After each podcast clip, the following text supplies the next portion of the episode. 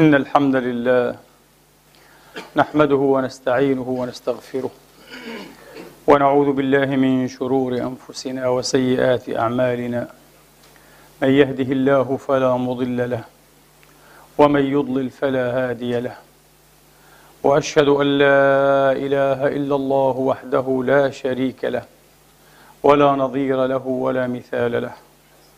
وأشهد أن سيدنا ونبينا وحبيبنا محمدا عبد الله ورسوله وصفوته من خلقه وأمينه على وحيه ونجيبه من عباده. صلى الله تعالى عليه وعلى آله الطيبين الطاهرين وصحابته المباركين الميامين وأتباعهم بإحسان إلى يوم الدين وسلم تسليما كثيرا. عباد الله أوصيكم ونفسي الخاطئة بتقوى الله العظيم ولزوم طاعته كما أحذركم وأحذر نفسي من عصيانه ومخالفة أمره. لقوله جل من قائل من عمل صالحا فلنفسه ومن أساء فعليها وما ربك بظلام للعبيد. ثم أما بعد أيها الإخوة المسلمون الأحباب أيتها الأخوات المسلمات الفاضلات. يقول الله سبحانه وتعالى في كتابه العظيم بعد أن أعوذ بالله من الشيطان الرجيم. بسم الله الرحمن الرحيم. وإذ أخذ ربك من بني آدم من ظهورهم ذريتهم وأشهدهم على أنفسهم وأشهدهم على أنفسهم ألست بربكم؟ قالوا بلى شهدنا أن تقولوا يوم القيامة إنا كنا عن هذا غافلين. أو تقولوا إنما أشرك آباؤنا من قبل وكنا وكنا ذرية من بعدهم. أفتهلكنا بما فعل المبطلون. وكذلك نفصل الآيات ولعلهم يرجعون. واتل عليهم نبأ الذي آتيناه آياتنا فانسلخ منها. فأتبعه الشيطان فكان من الغاوين. ولو شئنا لرفعناه بها ولكنه أخلد إلى الأرض. ولكنه أخلد إلى الأرض واتبع هواه. فمثله كمثل الكلب إن تحمل عليه يلهث أو تتركه يلهث. ذلك مثل القوم الذين كذبوا بآياتنا. فاقصص القصص لعلهم يتفكرون. ساء مثلا القوم الذين كذبوا بآياتنا وأنفسهم كانوا يظلمون. من يهد الله فهو المهتدي ومن يضلل فأولئك هم الخاسرون. ولقد ذرأنا لجهنم كثيرا من الجن والإنس كثيرا من الجن والإنس لهم قلوب لا يفقهون بها ولهم أعين لا يبصرون بها ولهم آذان لا يسمعون بها أولئك كالأنعام بل هم أضل. أولئك هم الغافلون. صدق الله العظيم. وبلغ رسوله الكريم. ونحن على ذلك من الشاهدين. اللهم اجعلنا من شهداء الحق القائمين بالقسط. آمين. اللهم آمين. إخواني في الله وأخواتي. بيع الروح أو بيع النفس للشيطان فكرة نمطية ترددت في الثقافات شرقا وغربا حول العالم وعبر التاريخ. وهذه الآيات الكريمات من سورة الأعراف يوشك أن تكون تجسيدا لنموذج مكثف وموح لهذه الفكرة النمطية. فيما يذكر السادة المفسرون أن هذا الذي أوتي الآيات ثم انسلخ منها فأتبعه الشيطان وكان من الغاوين فيما يذكرون أنه كان رجلا من بني إسرائيل وهذا قول أكثرهم وفي قول أنه كان من العماليق من القوم الجبارين. على كل أيا كانت خلفيته الأقوامية هذا لا يعنينا كثيرا. كان عابدا متألها أوتي الاسم الكبير أو الاسم الأعظم كما يعرف. الذي إذا دعي به الله أجاب وإذا سئل به أعطى وإذا استنصر به نصر. سبحانه وتعالى.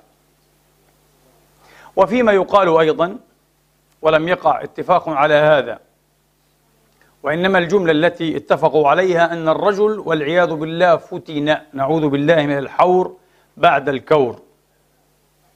وأطفأ مصباحه بيده. أطفأ مصباحه بيده. ضلت سبيله وزلت قدمه.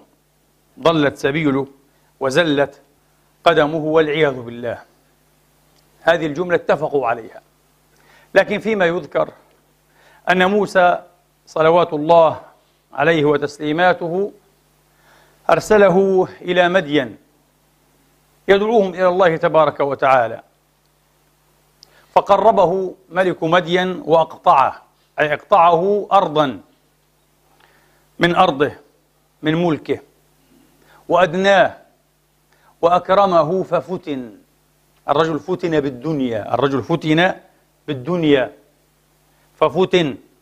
وترك دينه دين موسى دين التوحيد وصار إلى ديانة الشرك والعياذ بالله. فأنزل الله في هذه الآية. وتذكر قصص وحكايا أخرى. بصدد تفسير هذه الآيات نضرب عنها الذكر صفحا.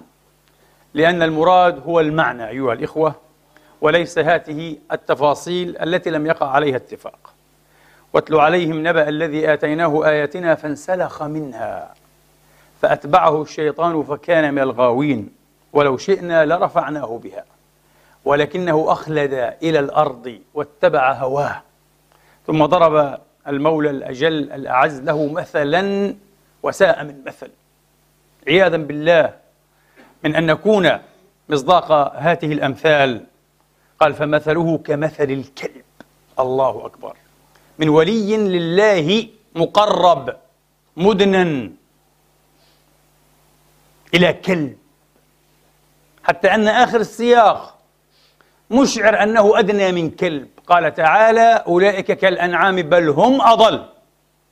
أولئك هم الغافلون. الكلب أشرف منه. لأن الكلب أيها الإخوة لم يؤت الحس الأخلاقي. ما يميزنا كخليقة بشرية من الحيوان ومن الملائكة ومن الشياطين جميعا. هذه ميزة الإنسان. تستطيع أن تتحدث حديثا مسهبا مطولا عن الفروقات بين هذه العوالم المختلفة. عالم الأملاك عالم الشياطين عالم الحيوان وعالم الإنسان. لكن الخلاصة بكلمة واحدة أننا الخليقة التي أوتيت الحس الأخلاقي. الخليقة المعدة أيها الإخوة لتفعل الشر وتهفو إلى الخير فمهما تعالت عن الشر مهما قاومته ومهما نزعت إلى الخير وجاهدت في سبيل تعزيزه وتقويته حققت إنسانيتها. هذا ما يجعل الإنسان إنسانا. وإلا التحق إما بالحيوان وإما بالشيطان لكن محال أن يلتحق بالأملاك ولكنه أخلد إلى الأرض. الأرض مهاد الحيوان مهاد الدود مهاد الثعابين والعقارب أيها الإخوة. مهاد الشياطين مهاد الشياطين. وهم في الأرض في عالم أسفل. لذلك هم سكان العالم السفلي في الأدبيات وفي الشعور والمخيال العام في كل الثقافات. سكان العالم السفلي المظلم. ولكنه أخلد إلى الأرض واتبع هواه. هنا أيها الإخوة هذا الذي باع نفسه للشيطان. هلك ولم يتخلص لم ينجو هلك. حاقت به اللعنة الأبدية. حاقت به اللعنة الأبدية. ماذا يعد الله لرجل لرجل هوى من صفيح الولاية إلى وهدة الكلبية بتعبير القرآن نفسه فمثله كمثل الكلب إن تحمل عليه. إذا اشتددت في أثره جريت وراءه يلهث. وإن تركته في مكانه يلهث الكلب يلهث على الدوام. يبرد بلهاثه هذه حر فؤاده حر جوفه أيها الإخوة. يلهث على الدوام. وهذا الكائن أصبح كائنا لهاثا. وراء ماذا؟ وراء الشهوات والرغائب والنزوات ها؟ وراء المناصب وراء السمعة وراء الشهرة وراء الأموال وراء الحيثيات. وراء كل هذه الأستار التي يستر بها عورته لأن نفسه عورة. بأثخن من الثياب وأسمك من الأسمال التي أدى بها لتستر عورتنا الجسدية. بأسمك وأثخن منها أيها الإخوة نستر عوراتنا النفسية نفوسنا. النفس التي تحتاج إلى مواجهة أو عند مواجهة الغير إلى أسمال وأثواب هي عورة. هي بحد ذاتها عورة نفس عورة. ولو قد بال الله سريرتها يوم تبلى السرائر. ولو قد بلى الله سريرتها وأعرب عن مكنونها وفضح ضمائرها لبدت للناس عورة وأي عورة. نار تتأيج حقد كره حسد غش كذب رذيلة فاحشة حرص طمع كلب. رغبة في التشفي في الثأر في الانتقام. أيها الإخوة عورة وأي عورة ما أقبحها من عورة. ما أقبح وصفها ونعتها. ما أبشع ريحها. أيها الإخوة ما أسوأ فعلها وأثرها.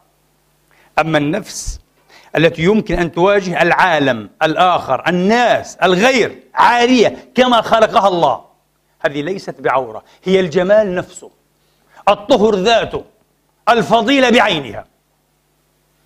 اللهم أعطنا نفوسا ووفقنا لكي تكون نفوسنا على هذا الوصف وعلى هذا النعت. نفوس ليست بالعورة.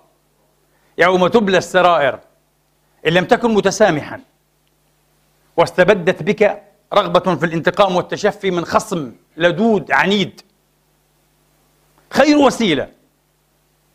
خير وسيلة. لتحقق مبتغاك وتقضي وطرك. أن تدعو الملك الأجل عليه. أن يبلي الله في الدنيا قبل الآخرة سريرته فقط. قل اللهم افضح سريرته. اللهم أخرج للناس نيته. هو يتكلم باسم الدين يتكلم باسم الإسلام يصرخ باسم الأمة باسم الفضيلة باسم الروح. ما في مشكلة. هذا يتقمص هذا يلبس كل هذه الأشياء تلبس. لكن إن لم تكن متسامحا إن لم ترد أن تغتفر له خطيئته في حقك وفي حق غيرك ادعو الله في الأسحار أن يفضح الله أن يبلي الله للناس. سريرته. فقط هذا يكفي. يكفي. أما أن نخدع بالظاهر لا انتبهوا إخواني. إياكم حذاري أن تخدعوا بالظاهر. لن أخدع بمظهرك. وحذاري أن تخدع بمظهري.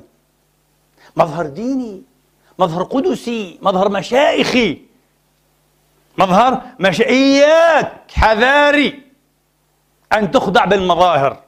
فكم من مظهر جميل مريح وسيم يستر باطنا قبيحا آية بل غاية في القبح والعياذ بالله.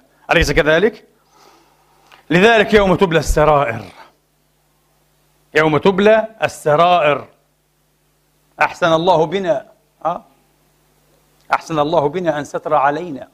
ولم يجعل لبواطننا ريحا وإلا لافتضحنا لافتضحنا لن أخدع أيضا بخلفيتك الاجتماعية أو الثقافية أو العرقية أو حتى الأيديولوجية والدينية. هل أنت مسلم ومسلم سني أو شيعي أو إباضي أو زيدي؟ هل أنت مسيحي؟ هل أنت يهودي بوذي هندوسي؟ لن أخدع بهذا. حتى هذا لن أخدع به. وسوف نرى لماذا. ولن أخدع بخلفيتك كما قلنا الاجتماعية. هل أنت من المياسير؟ هل أنت من الذوات من علية القوم أم أنت من المعدمين؟ من الفقراء المعدمين؟ لن أخدع بهذا. لماذا؟ لأن الوقائع لا تزال تترى تقذف بألف دليل وألف برهان على أن كل أنماط الشخصية وكل ألوان وتلاوين السلوك أيها الإخوة تنتج من كل خلفية. خذ أي خلفية؟ خذ خلفية المياسير خلفية الأغنياء الذوات منهم الفاضل؟ ومنهم السافل منهم الأمين ومنهم الخوان منهم الصادق ومنهم الكاذب. وهكذا وهكذا. منهم العفيف ومنهم الداعر. أيها الإخوة على أنهم جميعا أغنياء. عادي موجود هذا. خذ خلفية الفقراء نفس الشيء. في الفقراء هذا وهذا هذا وهذا وهذا. إذا لن أخدع بخلفيتك. انتبه خلفيتك لن تقول لي شيئا واحد يقول لي والدينية؟ لن أخدع. كيف أخدع؟ أخدع بكونك مسيحيا؟ أو يهوديا أو مسلما أو بوذيا كلا. من المسيحيين كما من البوذيين والمسلمين إلى آخر إلى آخره. نفس الشيء. الفضلاء والحقراء أيها الإخوة. الصادقون والكاذبون. الوادعون السلاميون والمجرمون العنفيون الإرهابيون. وكل التلاوين والأنماط. من كل الخلفيات. إذا خلفيتك حتى الدينية. لن تقول لي شيئا. انتبهوا لن أخدع. لن أكون مغفلا. لأنه هكذا يخدع الناس وهكذا تتم السيطرة عليهم وضبطهم كما تضبط أكرمكم الله بهائم الحظيرة. لا لا لا لن أخدع بهذا. طب بآرائي بفلسفاتي بأفكاري بكتاباتي بمقالاتي لن أخدع. لن أخدع بآرائك. لن أخدع بكتاباتك. بالمقابلات المتلفزة والصحفية معك لن أخدع بهذا كله. وجربنا.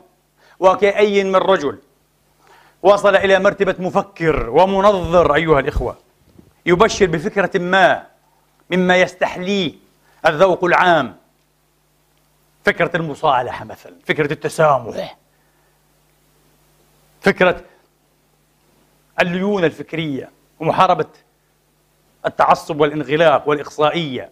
إلى آخره أفكار جيدة طيبة. المجتمعات المتحضرة الآن انتبهوا. في العصور الوسطى كانت هذه المعاني تعتبر سبة.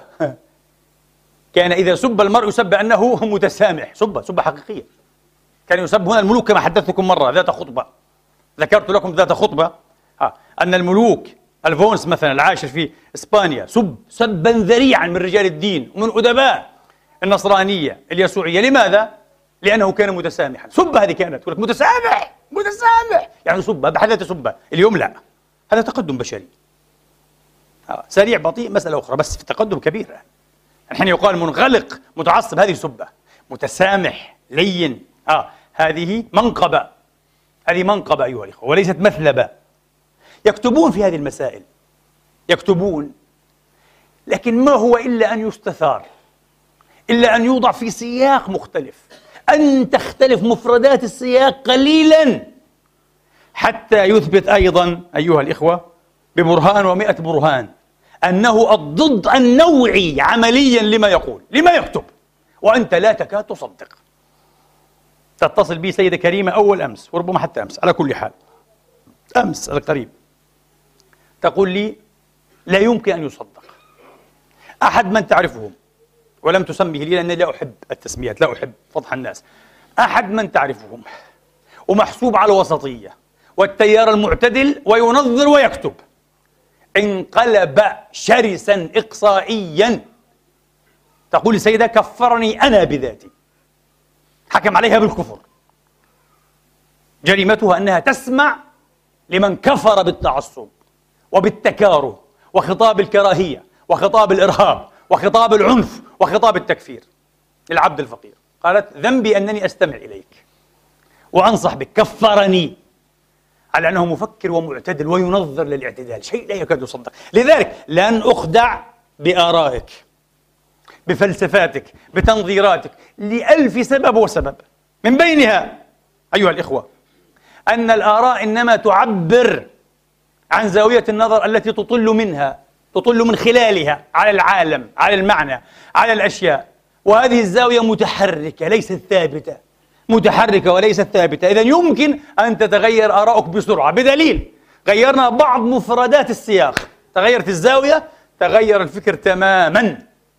رأينا المبشر بالتسامح والسلامية أصبح من دعاة العنف والكراهية والتكفير. هكذا. في ضحوة واحدة في ضحوة واحدة في غدوة واحدة يا أخواني. ثم إن الآراء والأفكار والفلسفات والخيارات والتفضيلات الفكرية والعقدية والأيديولوجية. هذه عموما عموما ليس لنا منها إلا أقل القليل. هذه ليست تفضيلاتنا الشخصية للأسف. في معظم الأحوال هي تفضيلات المجتمع هي خيارات المجتمع. ألا يلفتكم أن هناك أذكياء وأذكياء جدا مبرزين على مستوى العالم على مستوى البشرية. وخياراتهم الدينية والعقدية مختلفة. يعني عباقرة هندوس وعباقرة بوذيون وعباقرة مسيحيون وعباقرة يهود وعباقرة ماركسيون وملاحدة وبلا دين وعباقرة مسلمون وكلهم أذكياء. عجيب. كيف هذا الذكاء الذي حاز جائزة نوبل؟ الذكاء الذي لامس القمة. فاخم الأحلام أيها الإخوة أحلام النجاحات الفكرية. ولكنه يتظاهر بتفضيلات عقدية مختلفة تماما أحيانا إلى حد التناقض. لأنها ليست تفضيلاتنا الشخصية مئة في المئة. صدقوني خاصة نحن المجتمعات المتخلفة. نحن متخلفون جدا. إذا أردنا أن نتحدث عن السياق الإنساني وسياق القيم التي يمكن أن يبشر بها عالميا نحن غارقون في التخلف. نتحدث عن العرب المسلمين اليوم غارقون ولا واحد يناقشني أنا الآن متعصب. آه يا يوم ما تناقشنيش. أمة يذبح بعضها بعضا يقتل بعضها بعضا. آه. يحتاج ليقتل فيها شخص إلى ألف شخص يأتون. ليذبحوه. ألف شخص ليذبحوا شخصا واحدا. لا لا لا لا, لا. هذه أمة يمكن أن تتحدث إيه عن قيم تبشر بها على مستوى كوني. دعونا من هذه البهرجة ومن هذه العجرفة ومن هذا التزييف. واجهوا جابهوا الحقائق أيها الإخوة. جادلوها بشجاعة بشجاعة بصدق بعيدا عن كل ألوان الزيف. أقول بالذات في أمم متخلفة مثلنا اليوم. نعشنا الله مما نحن فيه. أيها الإخوة من الصعب أن يقول المرء خياراتي آرائي. ليست لك. هذه ليست آراءك. هذه آراء أنت زققت بها. زققت بها. حقنت بها حقنا. فأنت تجترها وتكررها. إياك تفهمني كما يكرر بعض الناس ترى أنه لا علاقة له مثلا بالفن ولا بالنقد الأدبي ولم يقرأ حتى مقالة صحفية في هذا الباب. ويقول لك هذه اللوحة الفنية تعبيرية. أنا وجهة نظري مسكين هو قرأ شيئا أو سمع شيئا يكرره. إيش وجهة نظرك؟ إيش عارفك أنت؟ يكرر نفس الشيء في الدين في الاجتماع في السياسة. يسمع. لقاء في تلفزيون يقرأ يعود كأنه هذا رأيه السياسي هو يعني. هو الآن قاعد يقيم الأوضاع السياسية. مسكين يا رجل. نحن في مجتمعات أنا أقول لكم إلى عهد قريب جدا جدا كل شيء كان يلبسنا ولا نلبسه. يختارنا ولا نختاره. يعيشنا ولا نعيشه. وما زال أشياء كثيرة الآن تلبسنا ولا نلبسها. أنت الآن كما تلبس زيا معينا. أنا عمري ما اقتنعت. مش مقتنع إني ألبس زي المشايخ. ما أحبوش. ما أحبوش. ما أحب زي المشايخ. واحد يقول لك آه ما أنت لا لا لا يا حبيبي. لا أنا درست الشريعة وعندي شهادات عليا في الشريعة ها في ناس مش عارفين. ما بدي. ولازم ألبس. ما بديش ألبسه. لا أحب هذا الزي. تعرفوا ليه؟ لأنه عكس السنة تماما. النبي كان يلبس كما يلبس أصحابه كما يلبس قومه. على فكرة وقومه العرب يعني النبي لم يخطط خطة جديدة في لبسه إسلامية غير لباس حتى أبي لهب وأبي جهل. نفس الشيء هذا لباس العرب. يناسب بيئتهم وهو ساتر وخلاص يناسب البيئة. اليوم جعلوه من الدين قال هذا. مش أنا أقول لكم ليس من الدين. هذا من ضرورات المهنة من ضرورات العمل. عشان نعمل شيخت كلاس طبقة رجال دين. شكلهم مختلف لباسهم مختلف وطبعا هذه اللبسة وهذه الزية وهذه الأزياء والرسوم تعوض النقص المعرفي والالتزام العملي كل الكوارث تعوضها هذه اللبسة. لذلك أنا كرهت هذا اللباس. لن ألبسه بإذن الله تبارك وتعالى. ما في ما في. لن ألبس هذا. لكن نحن عموما نلبس كما يلبسنا المجتمع. المجتمع بده هيك. انت عالم دين؟ هذه لبستك. انتبه اياك تلبس كرافط يا زنديق. كرافط علم برسول الله. إيه سألبس كرافط يا حبيبي. رضينا بهذه الزندقة. هذه الزندقة رضينا بها. مش حلبس ما تقول لي أنت. لا لا لا. أنا سأعيش خياراتي أنا تفضيلاتي. أريد أن أكون حرا. لماذا؟ لماذا؟ أنا لست عبدا لديك. لا أحب أن أكون أداة بيدك. فردا كنت أو مجتمعا. انتبهوا. آه. أنا ابن خياري ابن تفضيلاتي الشخصية. نحن لكن نحن أدوات الآن. أدوات. وهكذا الأزياء المختلفة أيها الإخوة. آه. آه. تلبس بحسب ما يريد المجتمع. نفس الشيء اللغة. أنت تلبس لغة؟ هي تلبسك. أنت لا تستطيع أن تعيش اللغة. اللغة تعيشك. ذكرت هذا إيه؟ في الجمعة المنصرمة لإخواني بعد الصلاة. اللغة تعيشنا. اللغة تعيشنا. ما معنى تعيشنا؟ نتحدث بلغة محنطة لغة متاحف مومياء لغة. ما معنى أن تتحدث؟ عن خرط القتاد. وعن قرب المعنى الفلاني منك إيه؟ كالثمام. ثمام إيه؟ وقتاد إيه؟ وعوسج إيه؟ طبعا أنا أقع في هذا أيضا. أنا تستطيع أن يعني تقتبس وتستشهد بمئات المواضع في لغتي وهي لغة خشبية أيضا مرات. أحاول أن أتعالى على هذا قليلا أن أعيش عصري. أتكلم لغة لها علاقة حية نابضة بعصري مفردات عصري مفردات حياتي. انتهى. يمكن الآن أن نشبه يقول لك أسرع من الريح. لا في أشياء أسرع من الريح الآن بالكونكورد. يجب أن ندخل هذا في لغتنا. نحن. آه. سواء كنا علماء الدين أو حتى أدباء وشعراء ومسرح أبدا. نقول أسرع من الكونكورد. ونكتب هذا هذا شيء جميل. هذه حياتنا. لأن الكونكورد أسرع من الريح مثلا. الصاروخ أسرع من الريح. سفينة الفضاء أسرع. مش أسرع شيء الريح. في البيئة العربية زمان وفي البيئات كلها. ما كان في تقدم تقني. أسرع شيء الريح. أسرع من الريح. آه. ممكن يقول طبعا أسرع إيميل البرق إيه الآن؟ لا يزال هو الأسرع. لا, لا بأس أن نستخدم هذا. لا يزال هو الأسرع. حتى اللغة اللغة تخدعنا أيها الإخوة أه؟ لغة قبل ألفي سنة لغة العرب قبل حتى الإسلام قبل ألفي سنة ولغة المسلمين أه؟ ولغة الأئمة والعلماء والأدباء الإسلاميين قبل 1200 و300 سنة و1100 سنة. لا تزال هذه اللغة تعيد إنتاج نفسها عبرنا تخدعنا لكن تحنطنا. نحن محنطون. ونتكلم لغة لا تنبض فينا لا نشعر بنبضها. لأنها تتوسل مفردات وتشبيهات ومجازات واستعارات لا تمت إلى حياتنا بصلة. إذا هي تعيشنا نحن لا نعيشها. التراث شرحه كما يقال بالعامية شرحه. التراث يعيشنا ولا نعيشه. يا أخي هذه تراثات ابن تيمية والطبري والطبراني والمفيد وفلان وعلان والجاحظ. تراثات؟ تقرأ كتراث. لا الإصرار على إعادة إنتاج التراث للمعاصرين. وجعله مرجعية ومرجعية نهائية. لأنها أئمة ومقدسون وعلماء وأذكياء وعباقرة. ومين أنت يا صعلوك ومين أنت يا رويبضة؟ هذا كلام فارغ. تحنيط للحياة يا إخواني. تلك كانت أيها الإخوة معارف عصرهم استجابتهم. كانت استجاباتهم لتحديات عصرهم. لم تكن تراثات في وقتها. لما ورثناها نحن عبر الزمن أصبحت تراثات. لا بد أن تباشر وأن يتعاطى معها كتراثات لا أزيد من هذا. أما أن تجعل مرجعيات تامة ها؟ ونهائية وأقصوية خلاص. يحرم أيها الإخوة الخروج عليها. هذا تحنيط للحياة. نحن المحنطون. نحن أمة محنطة اليوم. أمة مومياء يا إخواني. حتى تراثنا بنفس الطريقة. لغتنا بنفس الطريقة. قلت إلى وقت قريب أيها الإخوة. كان كل شيء في حياتنا يختار لنا. ولا يزال أكثر هذه الأشياء. طبعا في أشياء مشترك بشري. وتختار للإنسان بما هو إنسان. يعني هل اخترت اسمك؟ لا طبعا. اختاروه لك. هل اخترت دينك؟ لا من أول يوم. كتب في شهادة الميلاد. أنت لم تختار دينك انتبه. اختاروه لك. وطبعا أكيد لم تختار مذهبك. هل اخترت بعد ذلك لون الثقافة التي غذيت بها؟ أبدا. ثقافة المجتمع فرضت عليك عبر مؤسسات المجتمع المختلفة. من الأسرة انتهاء بالكلية أيها الإخوة. هل اخترت مدرستك؟ كلا. اخترت مدرسيك؟ اخترت منهجك الدراسية؟ لم تختر شيئا من هذا. هل اخترت زيك عاداتك تقاليدك؟ وبين مزدوجين هذه العادات والتقاليد. فيها أشياء حسنة وجميلة جدا لابد أن تستبقى وأن يعاد إنتاجها. وفيها أشياء كارثية لا إنسانية لا أخلاقية. في المجتمعات التقليدية ونحن لا زلنا تقليديين والمجتمعات المتخلفة الجامدة المحنطة أيها الإخوة تفعل التقاليد وتفتك بالناس أكثر مما يفتك الطاعون. أكثر مما يفعل الهيروين والكوكايين. تخدر الناس قبل يومين أيضا. أستمع إلى عالم كبير لن أقول من أي مؤسسة دينية عالم كبير ومؤلف كتب وأستاذ أكاديمي جامعي كبير. كبير. يتحدث يقول لو أحد سب أمي. طبعا ما في سب ألعن القذف أن تقذف أمه. حاشاها وحاشاه. قال لو سب أمي أقتله قال. قلت قلت هنا الجهل يتحدث التقاليد ليس الدين يا رجل أنت عالم شرعي كبير مؤلف كتب في الدين في الشريعة في الفقه. أه؟ سب أمك أو سب أم أي إنسان. وتبا للساب طبعا وتبا للفحش والتفحش والبذاء أيها الإخوة.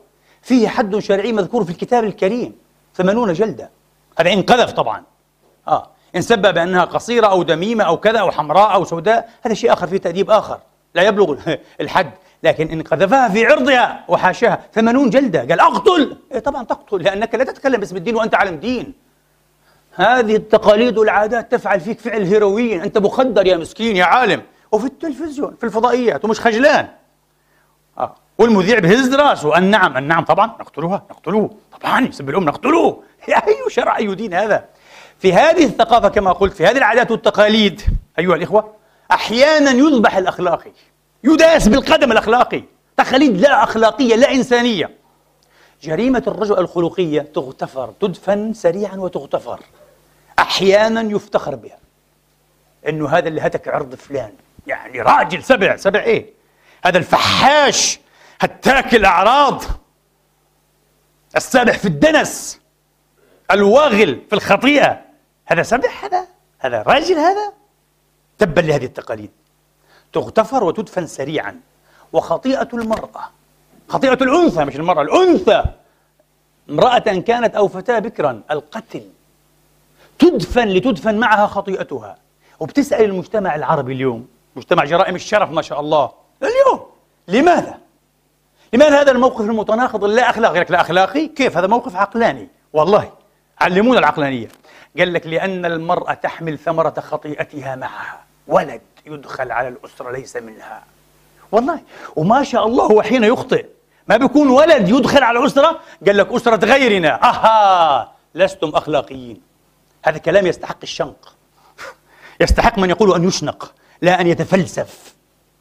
إيه لما كانت خطيئة الذكر خطيئة الرجل أه تدخل ولدا نغلا النغل يعني باسترد ابن ابن النغل نغل. مش هنحكي أكثر من هيك. تدخل نغلا على أسرة أيها الإخوة أه وليس منها. قال لك هذه الأسرة لما كانت ليست أسرتنا فالأمر لا يعنينا. يبعث على الفخار أحيانا تبا لهذه الأخلاقية. لا يمكن الآن لمفكر عبر العالم أن يعطي إشارة مرور أه؟ تصحيح أخضر لمثل هذا الفكر المنحط. هذا ليس أخلاقا. وعند العرب هذا من جوهر الأخلاق. الشرف العربي شرف الرجولة شرف العائلة. يا رجل أنت غير أخلاقي؟ النبي من أول يوم. أترضاه لأمك؟ لا لا. فكذلك الناس لا يرضونه. ترضاه لأختك لعمتك لخالتك؟ وأين نحن من أخلاقية الإسلام؟ أين نحن من أخلاقية البشر؟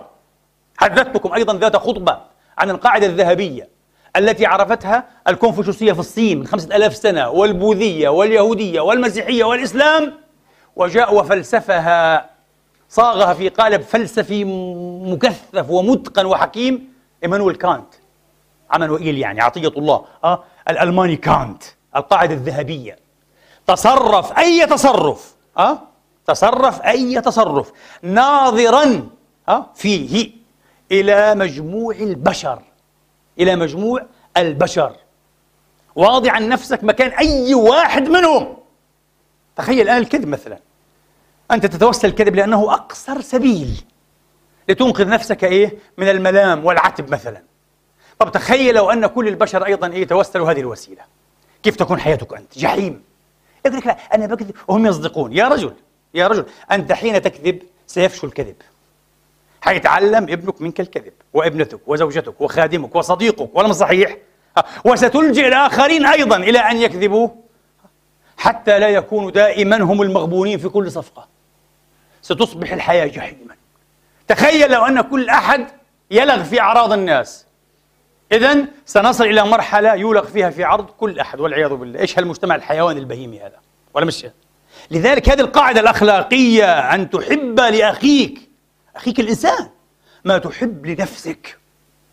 كل ما ترضاه لنفسك. لا ترضى لغيرك من البشر. يا سلام. هذه الأخلاقية. قواعدنا نحن الاجتماعية ليست أخلاقية. هذه التقاليد قال لك أسرة غيرنا هذه. أسرتنا هي. ما نسمحش ولد هي ابن حرام يدخل فيها. بنذبح المرأة هي باللي جابته. لكن لما إحنا ندخل على غيرنا هذه أسرة غيرنا. يا سلام. وعلى فكرة أنا استمعت قديما قبل زهاء ربع قرن إلى بعض المشايخ. يقول لك آه تبقى خطيئة يا أخي الشرع ما قال تبقى خطيئة. ابدا الشرع حاسب المرأة كما يحاسب الرجل تماما سواء بسواء. سواء بسواء. قال لك لا تبقى خطيئة المرأة أكثر فحشا. لماذا؟ أتى بنفس العبارة. قال لأنها تأتي بثمرة خطيئتها. بتجيب لنا ولد من زنا. يا رجل جابته من الهوى هي؟ من الهوى؟ ولا جابته من هذا السافل الخسيس؟ ما دائما في الطرف الآخر الخسيس الذكر. ليش هي جريمته أفحش وجريمته؟ شوي أخف يعني؟ هذا منطق جاهلي هذا منطق جاهلي. فأنت يا أخي المسلم يا أخت المسلمة أيضا لا تختار لا عاداتك ولا تقاليدك ولا مفاهيمك الاجتماعية. تخت... انتبه أعد النظر فيها. استبق ما كان فاضلا منها خيرا طيبا أه؟ وانبذ نبذ النواة وازدري واحتقر ما كان منها غير أخلاقي غير عادل غير إنساني غير قابل للكوننة للعولمة أن نعممه على البشرية كلها. احتقره. انبذه نبذ النواة. وإن أطبق المجتمع عليه من عند آخره. إلى عهد قريب أيها الإخوة الزوجة كانت تختار لك. شيء لا يصدق. إلى عهد قريب. آباؤنا أمهاتنا يحدثون. ومنهم أه من تم اقترانه بشريك حياته على هذا النحو. تختار له الزوجة لا يراها إلا ليلة يبني بها بعد ما تقع الفاس في الرأس وش الفايدة؟ إيش الفايدة من هذه الرؤية؟ ممنوع عليه وهو خطيب أن يراها هذا قبل 60 70 سنة في بلاد العرب ممنوع يا إخواني الأم تراها الأخت تراها العمة ويصفونها أليس يكفي يا أخي هذا؟ هي معرض بنت الناس طب وين الدين؟ نظرت إليها فإن في... قال لك دين إيه؟ هذا غطي عليه ما يبني الحين هذا. محمد هنا يسكت الآن. عادات وتقاليد تقاليد المجتمع العروبي البدوي. عجيب. إيه يختار لك حتى زوجتك ولا تراها إلا ساعة تدخل عليها للبناء بها. وطبعا زي البطيخات. حمراء بيضة قرع الله أعلم. حظك يا أبو الحظوظ. ها؟ أه؟ والقدر خلاف الظنون كما يقال. والقدر خلاف الظنون. إيه؟ إيش هذا؟ كل شيء يختار لك يا مسكين وكما قلت لك يلقون في فمك أه؟ التقييمات السياسية النقدات الفنية والأدبية والدينية والشعرية وأنت تلوك أه؟ وتأتي تتكلم كما لو كانت آراؤك يا رجل صدقني فقط المبدعون فقط هم المبدعون الخلاقون المنتجون الذين ينتجون فكرا وأدبا وفنا وتنظيرا هؤلاء وحدهم من يحق لهم أن يقولوا رأيي وجهة نظري فيما أرى فيما أفهم على أن في هذه الحقية قولا في قول كمان. ألبرت أينشتاين يكتب مرة يقول ما هو الإبداع؟ الإبداع أن تعرف جيدا كيف تخفي مصادرك. لأنه ما في واحد يبدع. وعلى فكرة أينشتاين كان مصداقا ممتازا لمقولته. أنا في محاضرة قديمة لي أه؟ قبل سنوات بعيدة تحدثت هل يغش العلماء؟ وحين بحثنا عن مصادر أينشتاين في النسبيتين العملية كارثية. تقريبا ما من فكرة ذكرها أينشتاين إلا وسبق إليها. إيش رأيكم؟ ما من فكرة إلا وسبق إليها. عمل نوع من التجميع الذكي الشاطر هيك كذا حطه هيك من غير ما يشير للمصادر. وطلع ما شاء الله. صاحب النسبيتين. عشان يكون متأثر بحالته الشخصية. قال لك الإبداع هو أن تعرف جيدا كيف تخفي مصادرك. لأن الرجل يبدو أنه غلب عليه إيه ظن أو وهم أو فكرة أنه ما من إبداع يعني إيه بالمطلق. وصح ما من إبداع بالمطلق. ما في. آه. لكن طبعا في إيه؟ في نوع يعني من الابتعاد عن المصادر. مط وبسط المصادر في نوع من الالتصاق الغاش المزيف بالمصادر. لا هذا غش هذا مش إبداع. على كل حال لكن المبدعون خلينا نوافق على الشغلة هذه عندهم الحق أن يقولوا آراؤنا. بس إحنا ما عندنا الحق يا أخي. طيب والله مصيبة هذه يا إخواني. هذا شيء غير مبشر. إذا كل شيء يختار لنا ونحن ملبوسون زي ما قلنا حتى اللباس إحنا ما بنلبس هو بلبسنا المجتمع بده هيك. تلبس إيش بده المجتمع؟ بعطوك هامش ضيق تنور فيه. اللون الكذا كذا بس هيك كيف اللباس شكله؟ زي ما بده المجتمع. ولا مش صحيح؟ آه. زي ما بده المجتمع. أحيانا ما في يعني ممكن المسألة تحتاج إلى إلى قتال وعراك من أجل فرض لبسه محددة على الرجل والمرأة. هذا هو. لا يقبل إلا هذا. فكل شيء يلبسنا كل شيء يعيشنا. كما قلنا في الخطبة السابقة حتى الدين الدين لا نعيشه هو يعيشنا للأسف. ونستغل به ومن خلاله. طبعا السياسة أكبر شيء يعيشنا ولا نعيشه. السياسة أكبر شيء في حياتنا اليوم يعيشنا ويستهلكنا. يمتص دماءنا أيها الإخوة يرهق أعصابنا يتركنا ركاما من عظام. آه، دون أن نعيشها هي التي تعيشنا للأسف الشديد. طبعا دائما في كل حالة لصالح جهات معينة كما قلنا في اللي في الخطبة السابقة. مرة لصالح الكهنوت مرة لصالح السلطة مرة لصالح ما بعرف الاستعمار مرة لصالح المجتمع الوحشة وألف رأس هذا. لصالح شيء؟ طيب إذا كان ذلك كذلك إذا كان ذلك كذلك. وإذا كان الإنسان لا يستطيع أن يكون غير نفسه الإنسان لا يستطيع إلا أن يكون نفسه فأين نفسي هذه؟ التي لم أختر لها ولا إيه؟ ولا من أجلها شيء تقريبا كل شيء مختار لها كل شيء معيش عنها. طب أين نفسي؟ كأنه حتى ما عندي الحق أن أقول أنا أن نقول نحن. ما في نحن حقيقية ما في أنا حقيقية. إذا نحن نعيش كآلات كائنات آلية ميكانيكية. يسهل تماما أيها الإخوة التحكم بها. الآن بدأنا نشارك ما أحببنا أن نذكره. يسهل تماما التحكم بها ضبطها السيطرة عليها استخدامها كأدوات كأدوات للعمار وأدوات للخراب أدوات للجريمة أيها الإخوة. حتى جريمة القتل جريمة الحرب الأهلية. بعد أن وضعت ثوراتنا أوزارها مباشرة في أول أشهر قلت من على هذا المنبر وزعمت أن افتعال حرب أهلية في أي بلد عربي خاصة فيه تنوع ديني أيها الإخوة وملي عملية أسهل من السهولة. هكذا قلت على هذا المنبر ولا أزال أذكر هذا. عملية سهلة جدا. فقط حين يقرر المؤتمرون من يتآمر بنا في الداخل والخارج ها أن يقدحوا شرارة هذه الحرب الأهلية. ستنقدح وستحرق الأخضر واليابس. وهذا ما يحصل اليوم. بسهولة بسهولة. تعرفوا لماذا؟ لأننا لسنا بشرا مستقلين لم نتعود الاستقلال. لسنا بشرا حقيقيين نحن آلات أشبه بآلات. الضبط والتحكم والسيطرة على تمامه على أحسن وجه آه معها وبها أيها الإخوة. نحن آلات إخواني وأخواتي. حذاري انتبهوا وكونوا أيقاظا.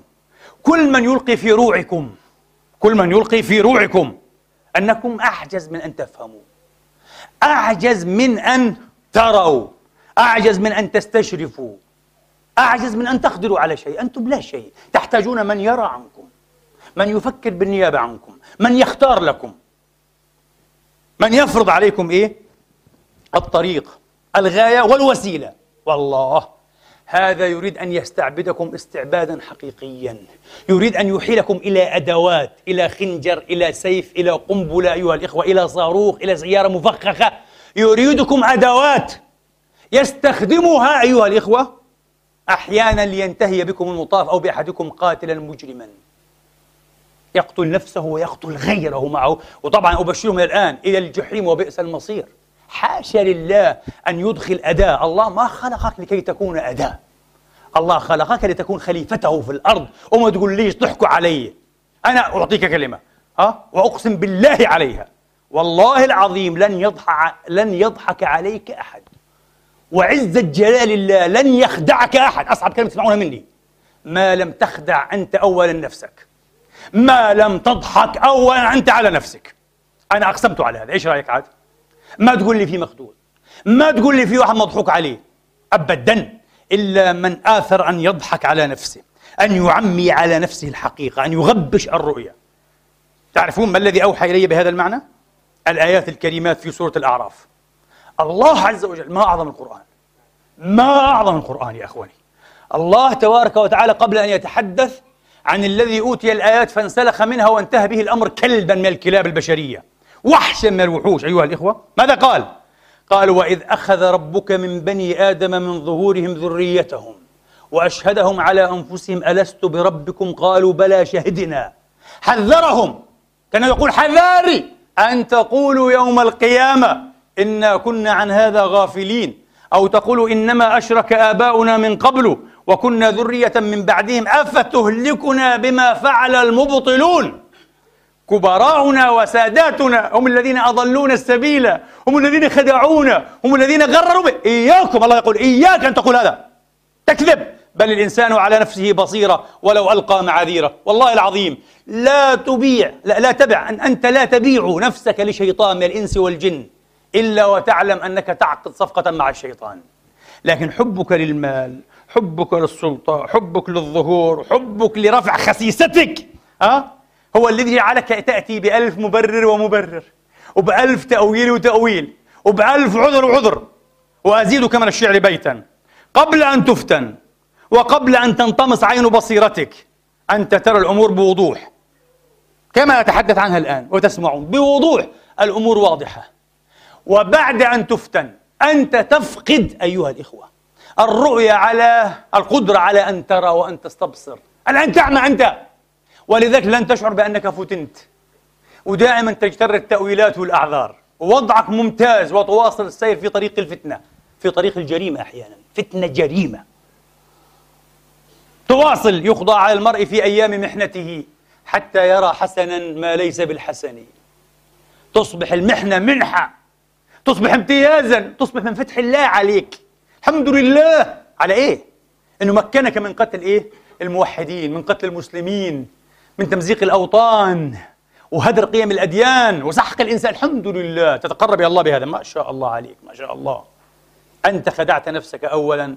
وضحكت على نفسك اولا. لماذا لماذا صدر الله هذا السياق الكريم بآيات الميثاق؟ وإذ أخذ ربك ليقول ليس لبلعام ابن باعوراء المذكور في الآيات المنسلخ من الآيات ليس له عذر. هذا أكبر من أكبر الأدلة في كتاب الله على برهان الفطرة. برهان الفطرة مش إنه الله بس موجود. لا يا إخواني لا لا لا لا. مش إنه الله موجود. برهان الفطرة إنه الله موجود وهو ضمانة الأخلاق لا إله إلا هو. الله موجود وشعورنا بالله عيشنا بالله وفي الله. هو الذي يقول لنا هذا إثم وهذا إيه؟ حسن. هذا صح وهذا غلط. هذا حق وهذا باطل. هنا قال صلى الله عليه وآله وسلم تسليما كثيرا الإثم حزاز القلوب. النفس لا ترتاح. قال يا وابص ابن معبد جئت تسأل عن البر والإثم. قال والإثم ما حاك في صدرك وكرهت أن يطلع عليه الناس. استفت قلبك. وإن أفتاك المفتون أفتاك الشيخ العلامة والشيخ الفهامة ومفتي البلد ومفتي الجماعة ومفتي الطائفة. كلام فارغ والله العظيم. لن يجديك عند الله شيئا. لأنك أسقطت هذه هذه الضمانة المرجعية الإلهية. وإذ أخذ ربك أن تقولوا يوم القيامة إنا كنا عن هذا غافل إياك إياك. إذا كان أقول لكم يا إخواني الله ضمانة الأخلاق لا إله إلا هو. الله ضمانة الأخلاق. هذا ضمير الإيمان. لا يمكن لضمير الإيمان أن تشتريه كل أموال الأرض إلا في حالة واحدة. إذا كان هناك مال يمكن أن يشتري الإيمان بالله. أسألك سؤالا بديهيا وسهلا. أنت كمؤمن الآن هل هناك شيء يمكن أن تبيع به إيمانك بالله؟ هكذا أن الله غير موجود لا أعترف به لا بشرعه أنا أتحدى إن كان موجودا. هل يمكن أن تفعل هذا؟ طبعا ما في واحد يتورط يفعل هذا لكننا عمليا كثير منا مش هقول معظمنا كثير منا يفعل هذا. لكن بعد أن يضحك على نفسه ويخادع نفسه ويفهم نفسه أن هذا أفعله باسم الله وباسم الدين وخدمة للشريعة وخدمة وأخذا بالفتية أخذا بالفتوى. كذب. كذب يا رجل. في مرجعية هنا الضمير الصاحي اليقظ غير النائم غير المخدر أيها الإخوة. والله العظيم لا تشتريه أموال العالمين إلا بعد أن تشتري إيمانه بالله حبه وخوفه ورجاءه في الله لا إله إلا هو. لذلك أنا أقول لكم إغراء المليون عند صاحب الضمير اليقظ كإغراء المليار. نغريب مليون يقول لك لا أعوذ بالله معاذ الله مليون إيه؟ طب خليهن ألف مليون. يا سيدي خلينا ألف مليار ما في ما في شيء يساوي عندي إيماني بالله. علاقتي بالله ما في شيء يمكن أن يكون ثمنا لهذا. مسكين أنت. لكن ضمير المجتمع انتبهوا دائما ينتهي بكوارث ينتهي بمجازر بمذابح بدمار. والعياذ بالله لأنه ضمير المجتمع. سأشرح لكم ما هو ضمير المجتمع. هذا ضمير الإيمان. فهمنا؟ ما هو ضمير المجتمع اللي بينتهي بكوارث؟ سنشرحه. نعود عودا على بدء. نعطف على أول الخطبة أيها الإخوة. إذا لن أخدع لن أخدع لن أخدع. لن أخدع بآرائك. لن أخدع أيضا بوجدانياتك بانفعالاتك بحماسياتك كما أنا متحمس. لا تنخدعوا بحماسياتي لا تنخدعوا بدموعي لا تنخدعوا بالدموع. تعرفون لماذا؟ لأن القلب ما سمي قلبا إلا لأنه يتقلب. حيلة من لا حيلة له الوجدانيات والانفعاليات الدموع. حيلة النسوان والأطفال والرجال العجزة الكبار. وجاءوا أباهم عشاء يبكون رموا أخاهم في البئر وجاءوا يبكون. هذه حيلة مكشوفة ومفضوحة. إياكم أن تغتروا بالحماسيات بالوجدانيات بالزعيق بالصراخ والأيمان والأقسام. لا تغتروا بهذا. وهذا أقرب إلى منطق الغريزة منه إلى منطق العقل. والعقل كما رأينا متذبذب نسبي أيها الإخوة يعتمد على الزاوية والسياقات يعتمد على الزاوية والسياقات. فكب القلب. ما تغتروا بهذه الأشياء لا تغتروا بهذه الأشياء وكم ذا يخدع بها الناس بالدموع والأيمان والأقسام والحماسيات وانتفاخ الأوداج واحمرار الوجنات. حسبنا الله ونعم الوكيل. لا تغتروا بهذا يقول لي يا رجل. بإيش ننخدع معناها؟ أنا بقول لك شيء واحد فقط. إذا أردت أن تختبر نفسك أنا يهمني أن تختبر نفسك. هذا وصل لخطبة أيضا الجمعة السابقة في الوعي بالذات. أنا ما يهمني. الحكم على الناس خطيئة. ما يهمني أن أحكم على الناس. لكن يهمني ألا يخدعني المخادعون من الناس. كثير بهمني انتبهوا يهم كثير ما أكونش أداة بأيديهم. ما ينضحكش علي ها؟ ما ينضحكش علي بس زي ما قلنا والله ما بنضحك عليك إلا بعد أن تضحك على نفسك. هذه مصيبة على فكرة. هذه كلمة صعبة كثير ها. كثير كثير صعبة. بل الإنسان على نفسه بصيرة ولو ألقى معاذيرة. الله قال روح اعتذر. تكذب. تعرف نفسك أنت. تعرف أنك عقدت صفقة لا مع الرحمن لكن مع الشيطان. تعرف هذا أنت. بتقول لي بس هو كان شيخ ورجل صالح. تعرف أيضا أنه ليس في سنة الله أن الشيطان يواجهنا. عمرك واحد شاف, شاف, شاف, شاف فيكم إبليس الذي أغوى أبانا آدم يعني؟ ولا واحد. ليس له سلطان علينا يروعنا أي بمنظره أبدا. ولكن كلنا يعلم أن إبليس يواجهنا كل ساعة وكل حين والله العظيم. عبر مراكبه. عبر أيها الإخوة من استعمر عقولهم وسكن قلوبهم واستعار ألسنتهم. هذا إبليس. فحذاري من الأبارسة المراكب. سموه هذا مركب إبليس. سموه هذا هذا الممسوس بالشيطان. يا ريت نعيد النظر في المس الشيطاني. هذا الممسوس. هذا المفكر ذاك الصحفي هذا العالم هذا الشيخ. هؤلاء مراكب الشيطان. مش إنسان يتخبط عنده مسكين مشكلة كيميائية عصبية في دماغه وقال لك ممسوس تذبحوه بالكتل. لا لا لا, لا هذا الممسوس. هذا هو. هؤلاء مراكب الشياطين. هذا فاوست مارتن لوثر. يمكن يتحدث عنه اليوم. هذا هو. فالشيطان يواجهنا كل يوم وكل ساعة عبر هؤلاء. حذاري. ويوم تعقد صفقة معه. أنت تعلم أنك تعقد صفقة مع إبليس نفسه. لأنه هذا أحد مراكب إبليس. أليس كذلك؟ وأنت كنت تعرف هذا. تقول لا بس أنا شفته شيخ. شفته داعية. بده مصلحة الأمة. مصلحة الأمة. عبر التكفير. عبر القتل. قال لك مشركون. هؤلاء مشركون كفار. لماذا أشركوا؟ لماذا كفروا؟ قال لك آه في ناس بيقولوا يا حسين الشيعة يا علي. والله صحيح ممكن في شهر يونيو 2013 اكتشفنا أن الشيعة بيقولوا يا علي فأصبحوا مشركين. في شهر 6 2013 لأول مرة شيعة من يوم يومهم بيقولوا يا علي والصوفية لدينا من يوم يومهم بيقولوا يا سيدي الجيلاني ويا سيدي الدسوقي ويا سيدي عبد القادر ويا سيدي ويا سيدي ولا مش صحيح؟ يلا احكم عليهم كلهم بالكفر يلا. طلع أمة محمد كفار يا رجل يا رجل. ما هذا اللعب ما هذا التضليل ما هذا الغثاء الذي نعيشه. إنا لله. إنا لله يا إخواني. طيب إذا نعود. بماذا أخدع؟ لا تخدعن بما ذكرت. بماذا أعير؟ بماذا أروز؟ بماذا أقيس؟ بماذا أصبر؟ كيف أعرف؟ كيف أعرف نفسي؟ كيف أعرفك أنت؟ أنا أقول لك. هذه الخلاصة هذا أهم في خطبة اليوم عاد. أهم في خطبة اليوم. تستطيع أن تعرف نفسك ويمكن أحيانا أن تعرف غيرك بمراقبة النفس أو مراقبة الغير في لحظة اختيار حر تعرف السقوط الحر للأجسام؟ بعيدا عن أثر الضغط والحرارة والهواء وكذا السقوط الحر الفري في هنا إيه؟ لحظة فعل أو اختيار حر للإنسان حر من إيش؟ من رقابة المجتمع من رقابة البوليس ها؟ من رقابة القانون من الرغبة من الرهبة حرية تامة إلا فقط من إيه؟ إن كان مؤمنا صاحب الفعل حر من النظر إلى الله تبارك وتعالى.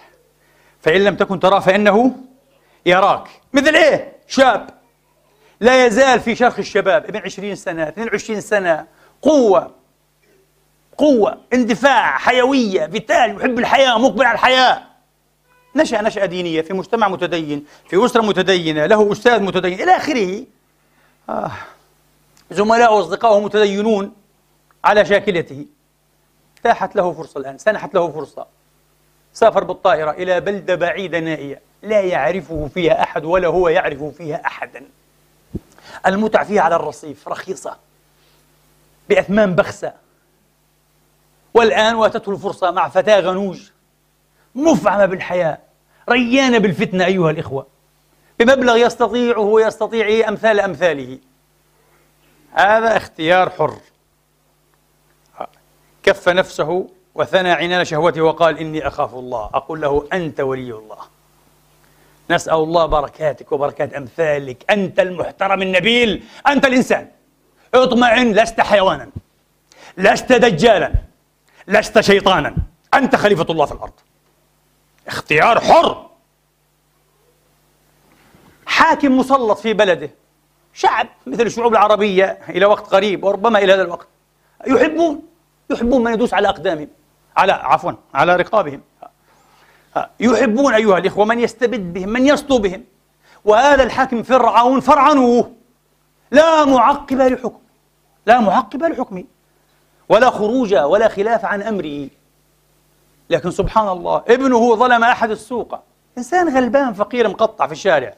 فسطأ بابنه وأنزل به أشد عقاب ينزل بأمثاله من الظلمة. الله أكبر أقول له أنت أنت إمام عظيم.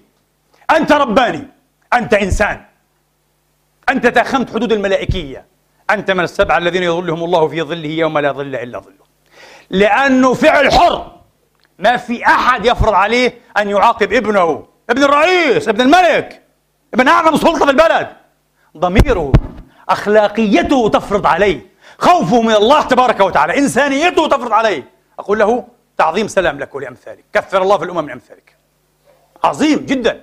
فعل حر. لأنه لا بخاف لا من قانون ولا من مخابرات إيش مخابرات إيه؟ وأعلى سلطة. فرعون. بس بغير فرعونية. هذا ما بكون فرعون والله. فرعون اسما. في فرعون في ذهن الناس. أنت. جاءك أحدهم أحد الأثرياء أحد الأغنياء. قال لك بالله أنا مرصود وأنا مرقوب. الأعين مفتحة علي.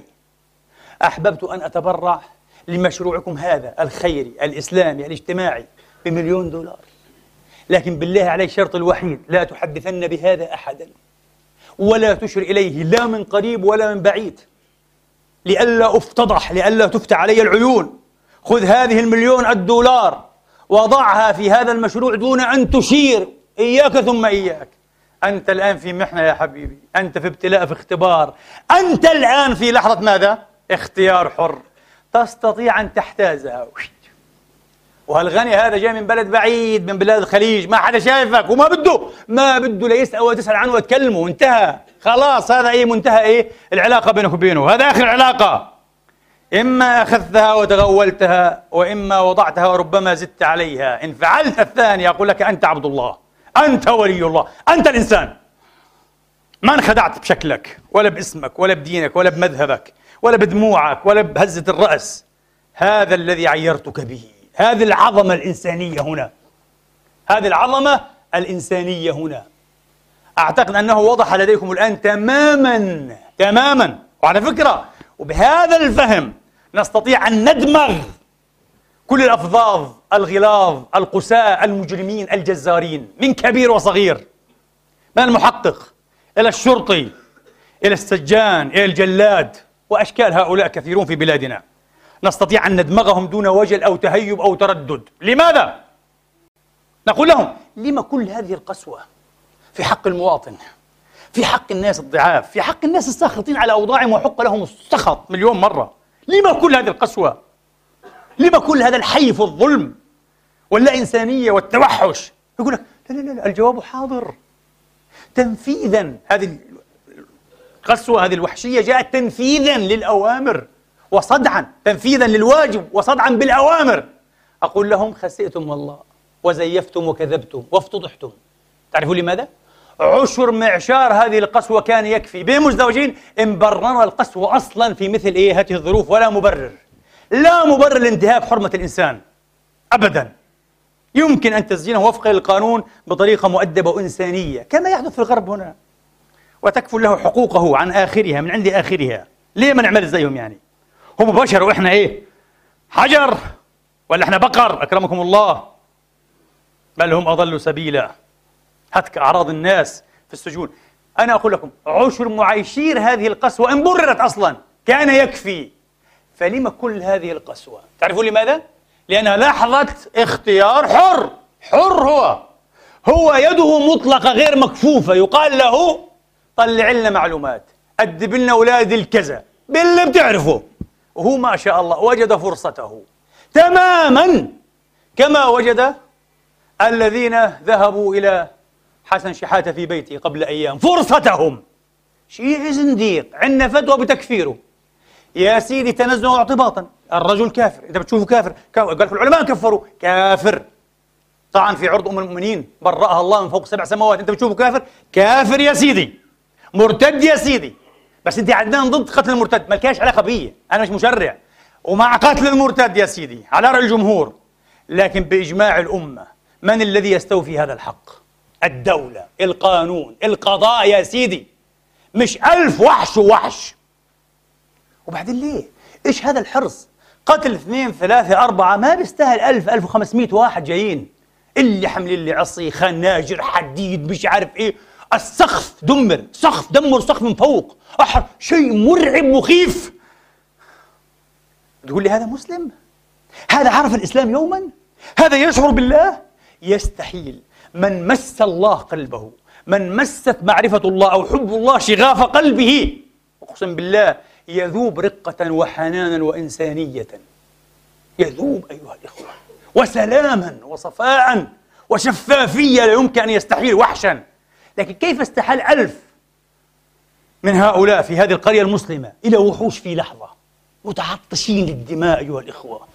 متعطشين إلى القربان البشري. بمثل هذه القسوة كيف كيف؟ تماما.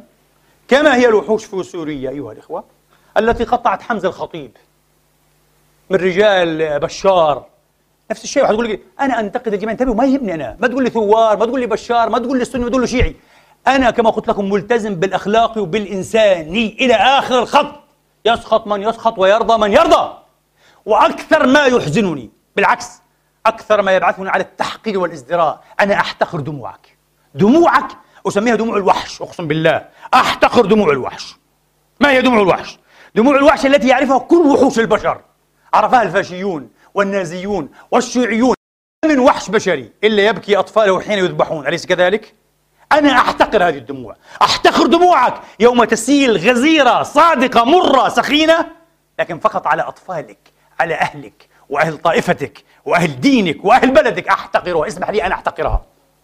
لن أرثي لها سأحتقرها لأنها دموع الوحش مثل دموع النازي والفاشي والقتال والمجرم. أنا أريد دموع الإنسان. دموع الإنسان الذي هو حقا إنسان أيها الإخوة التي تذرف سخينة وصادقة على كل مظلوم على كل مهضوم على كل ضحية وبريء يا إخواني. أريد من الشيعة من إخواننا الشيعة أن يبكوا وأن يصرخوا كما أصرخ الآن مثلا على مثل حمزة الخطيب. من أبناء سوريا ما تقوليش مسلم سني ما يهمنيش. من أبناء الإنسانية هذا بشر. حين يقتل بهذه الطريقة يقطع بهذه الطريقة لابد أن تصرخ. وإن كنت شيعيا ومن حزب الله ومن حزب لابد أن تصرخ إلا بتصرخ أنا أقول لك أنت الوحش. كذلك أنا السني. حين لا أصرخ على أخي الشيعي حين يقتل بهذه الطريقة البشعة الوحشية أطفال شيعة يطلبون الماء قبل أن يذبحوا. ونسمع من يفتخر بذبحهم قال ذبحناهم ذبح النعاج. ذبح النعاج. كما ذبح أبناؤنا ونساؤنا. بالله عليك يا رجل. بالله عليك هل هذا الطفل الشيعي الذي ذبحته كما ذبح النعاج كما تذبح ذبح أطفالك. يا رجل بالله عليك هل هذا الطفل الذي ذبحته كما تذبح الفرخة ذبح نساءك حسبنا الله ونعم الوكيل. حسبنا الله ونعم الوكيل. أي دين هذا؟ أي عقل هذا؟ أي إنسانية؟ وعلى فكرة والناس تهلل وتطلق الرصاص. نطق بالحق. يقول لك هذا فقيه. فقيه وشيخ أستاذ جامعي. ذبحناه قال لك ذبحنا ابنه معه. وتقول الرواية طفل يبكي أيها الإخوة. إلى حد الرعب يطلب ماء قبل أن يذبح. لم يسقى الماء وذبح لأنه شيعي. نجس. الله أكبر يا إخواني. أي منطق هذا؟ هنا يذبح السني فلا يبكيه إلا سني. وهنا يذبح الشيعي لا يبكيه إلا الشيعة. أنا أقول لكم برئت منكم الإنسانية جميعا. واحد يقول لي يا عدنان شوف لا تحاسبني على كل مفردة أقولها. افهم جوهر رسالتي جوهر فكري. ثم أنا بريء منك اليوم الدين. إن لم تفهم أنا بريء منك. لا حاجة لي بأحد. افهم. إن كنت تجد نفسك هكذا تبكي بحرقة حقيقية على كل ضحية وعلى كل بريء أنا أقول لك اطمئن أنت إنسان. مش هقول لك مسلم غير مسلم. أنت إنسان مش حيوان مش وحش أنت. إن لم تفعل إلا على خاصتك على أولادك وأهلك. أقول لك أنت وحش أقسم بالله. ويمكن أن تلعب دور الوحش في أي لحظة يا رجل. جعلوك وحشا دون أن تدري. ضحكوا عليك. باسم الدين وباسم الفقه والمشيخة والفتية ضحكوا عليك. هل فهمتم هذا ما أحب أن أقوله فقط؟ هذا الذي قتل ويعلم الله حتى أظهر لكم كم أنا متوازن بيني وبين الله بيني وبين نفسي. يعلم الله أن حسن شحاتة وقد أفضى إلى ربه وأفضى إلى ما عمل. حسن شحاتة آذانا أنا شخصيا تأذيت منه وذكرت هنا من غير اسم. قبل ربما بضع سنين يسب أصحاب رسول الله الكرام العظام كأبي بكر وعمر. وأم عائشة سبا ذريعا ما سمعت منه ما سمعت مثله في حياتي. وهو سب والله العظيم. أنا أقسم بالله أن عليا عليه السلام يبرأ منه. يبرأ من هذا الإقذاع والسباب والفحش. يبرأ منه. لكن كما قلنا يا سيدي افترضه مرتدا. يستحق الإعدام. الدولة تستوفي منه. لستم أنتم وليس بهذا الأسلوب الذي حولكم إلى وحوش. لا تفتخروا بهذا. لا ترفعوا به رأسا. هذا حولكم إلى وحوش نزع آخر استنزف آخر قطرة من إنسانيتكم دون أن تدروا. يا ويلكم يا ويلكم من أنفسكم. يا ويلكم قبل آه. أن يأتيكم وي من الله. يا ويلك من نفسك من ضميرك. إن بقي عندك إيه؟ حس. إن بقي لديك شيء من ضمير. يا إخواني. لذلك هذا هو ما يعير به الإنسان. لحظة اختيار حر. لحظة اختيار حر إخواني. ليس كل ما ذكرنا أقول قولي هذا وأستغفر الله لي ولكم.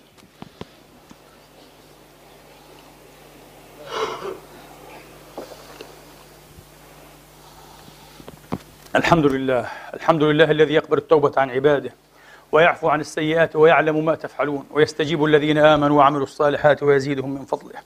والكافرون لهم عذاب شديد وأشهد أن لا إله إلا الله وحده لا شريك له وأشهد أن محمدا عبده ورسوله.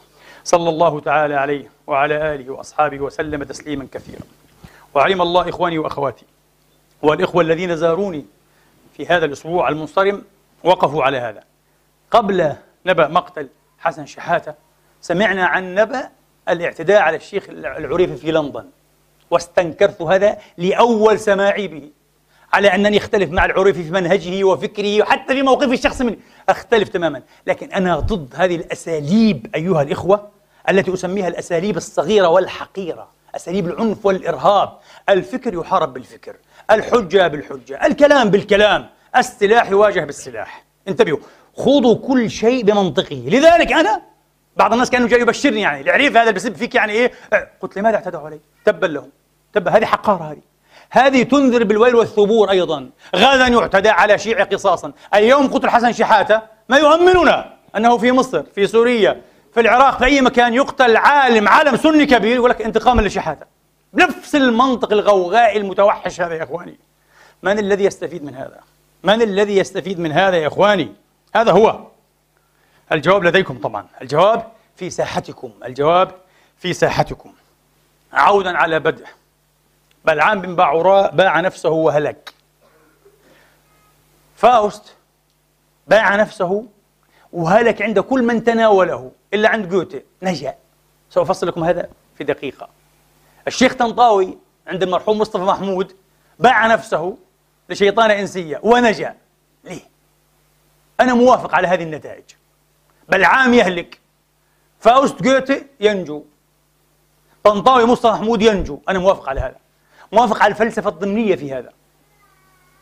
فأوست باختصار. شخصية ألمانية أسطورية. وعاش حقيقة يعني إلى حوالي 1540 ميلادية. هكذا في ألمانيا. كان ساحرا ومنجما ألمانيا. اتهمه مارتن لوثر بأنه واقع تحت تأثير قوة مس شيطاني لعينة.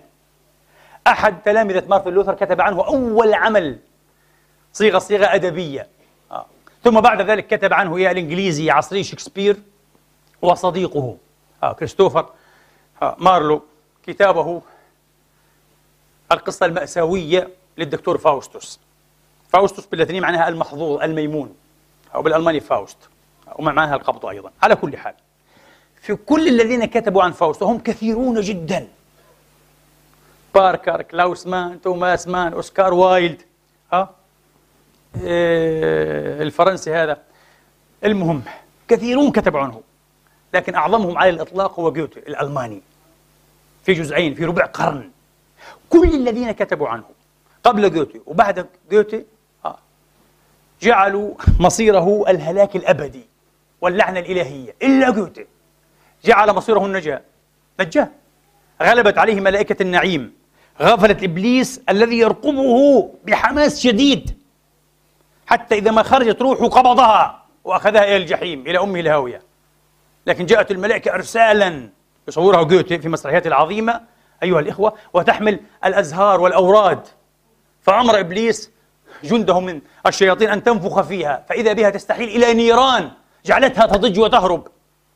وما هي إلا لحظة يرمق فيها إبليس الموكب العلوي حتى غافلته الملائكة وأخذت الروح إلى النعيم الأبدي.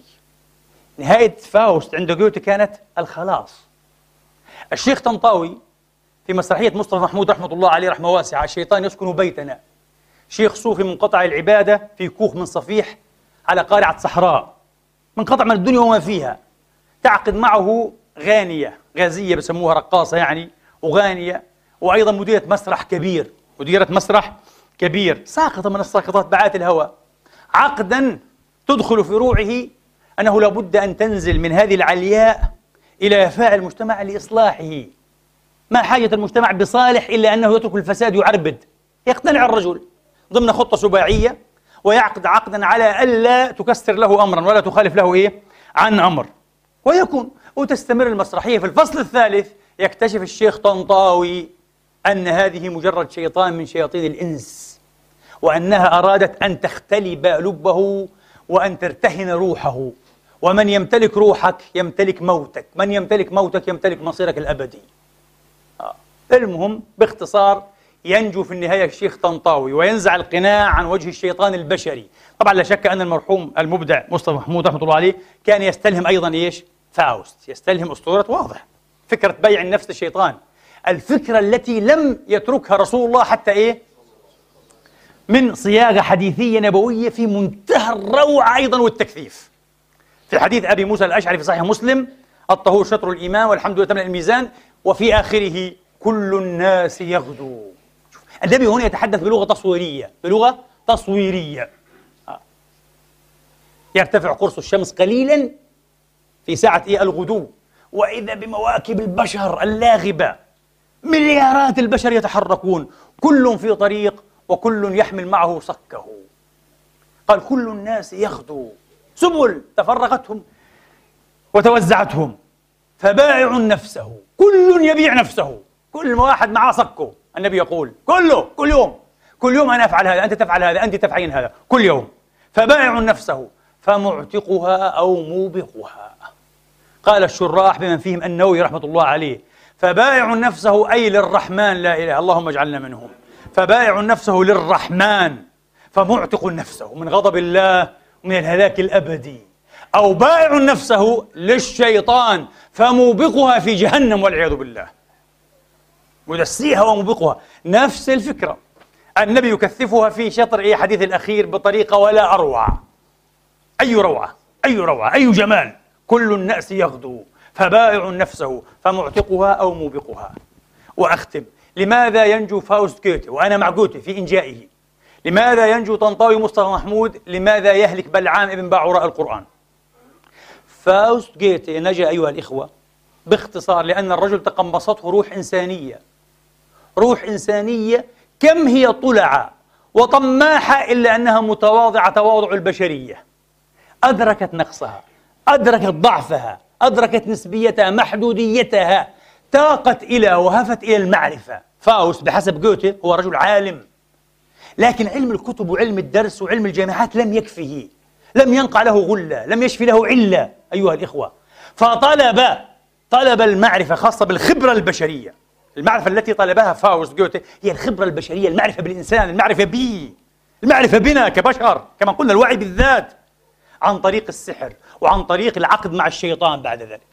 باع نفسه للشيطان أربعة وعشرين سنة. لقاء في هذه الأربع والعشرين سنة أن يمكنه الشيطان مما يريد. طبعا أخطأ وزلت به القدم وارتكب جرائم وفحش وقتل مع مارغريت الج... المهم قصة. آه.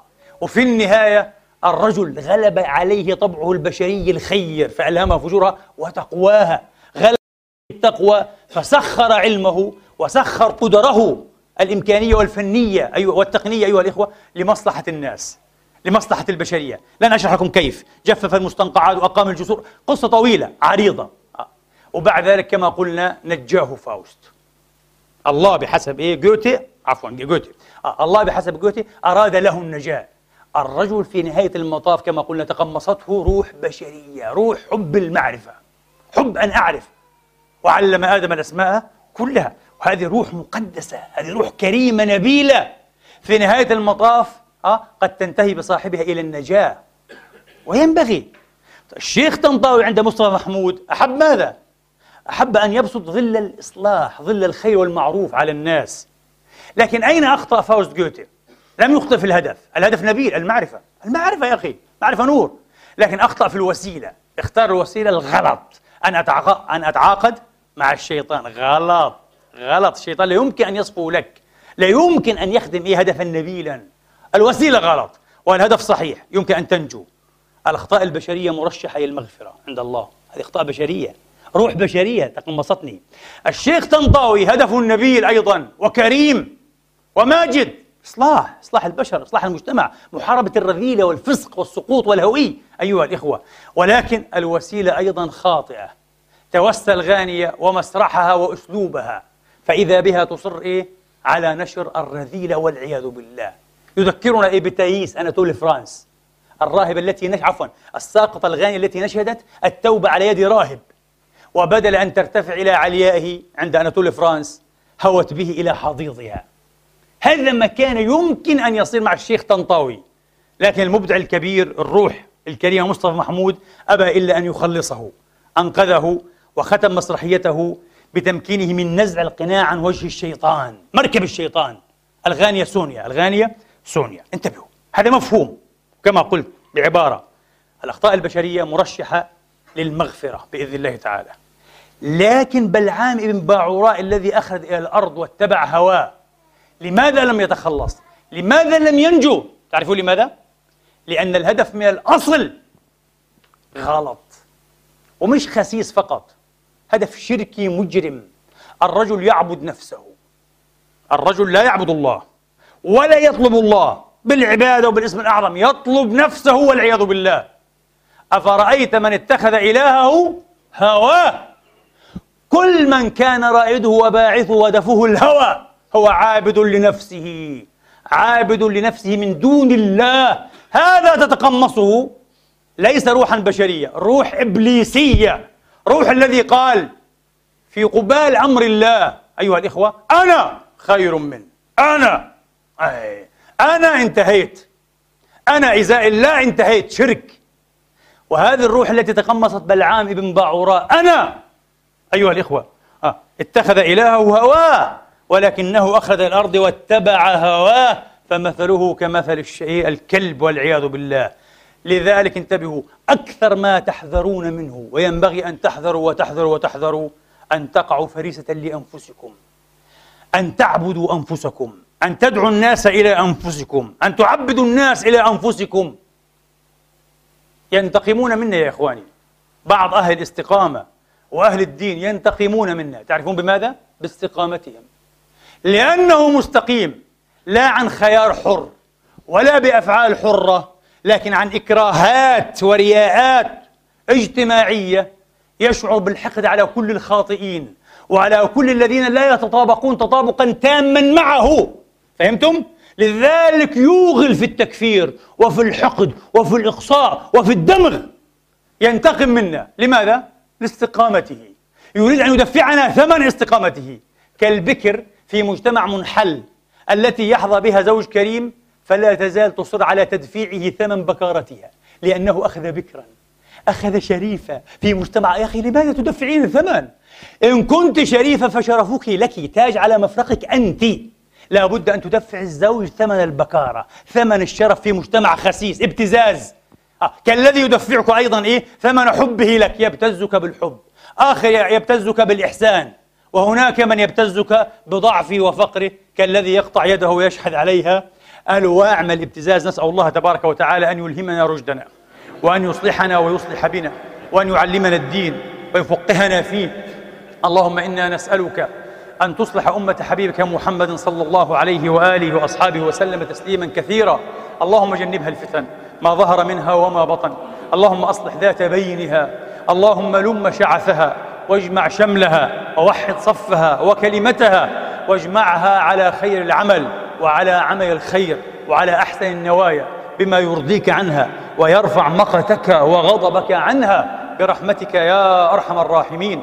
ربنا لا تؤاخذنا بما فعل السفهاء منا.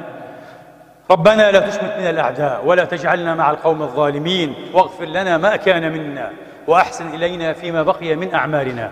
إنك ولي ذلك والقادر عليه. عباد الله إن الله يأمر بالعدل والإحسان وإيتاء ذي القربى وينهى عن الفحشاء والمنكر والبغي يعظكم لعلكم تذكرون وأقم الصلاة. الله أكبر الله أكبر.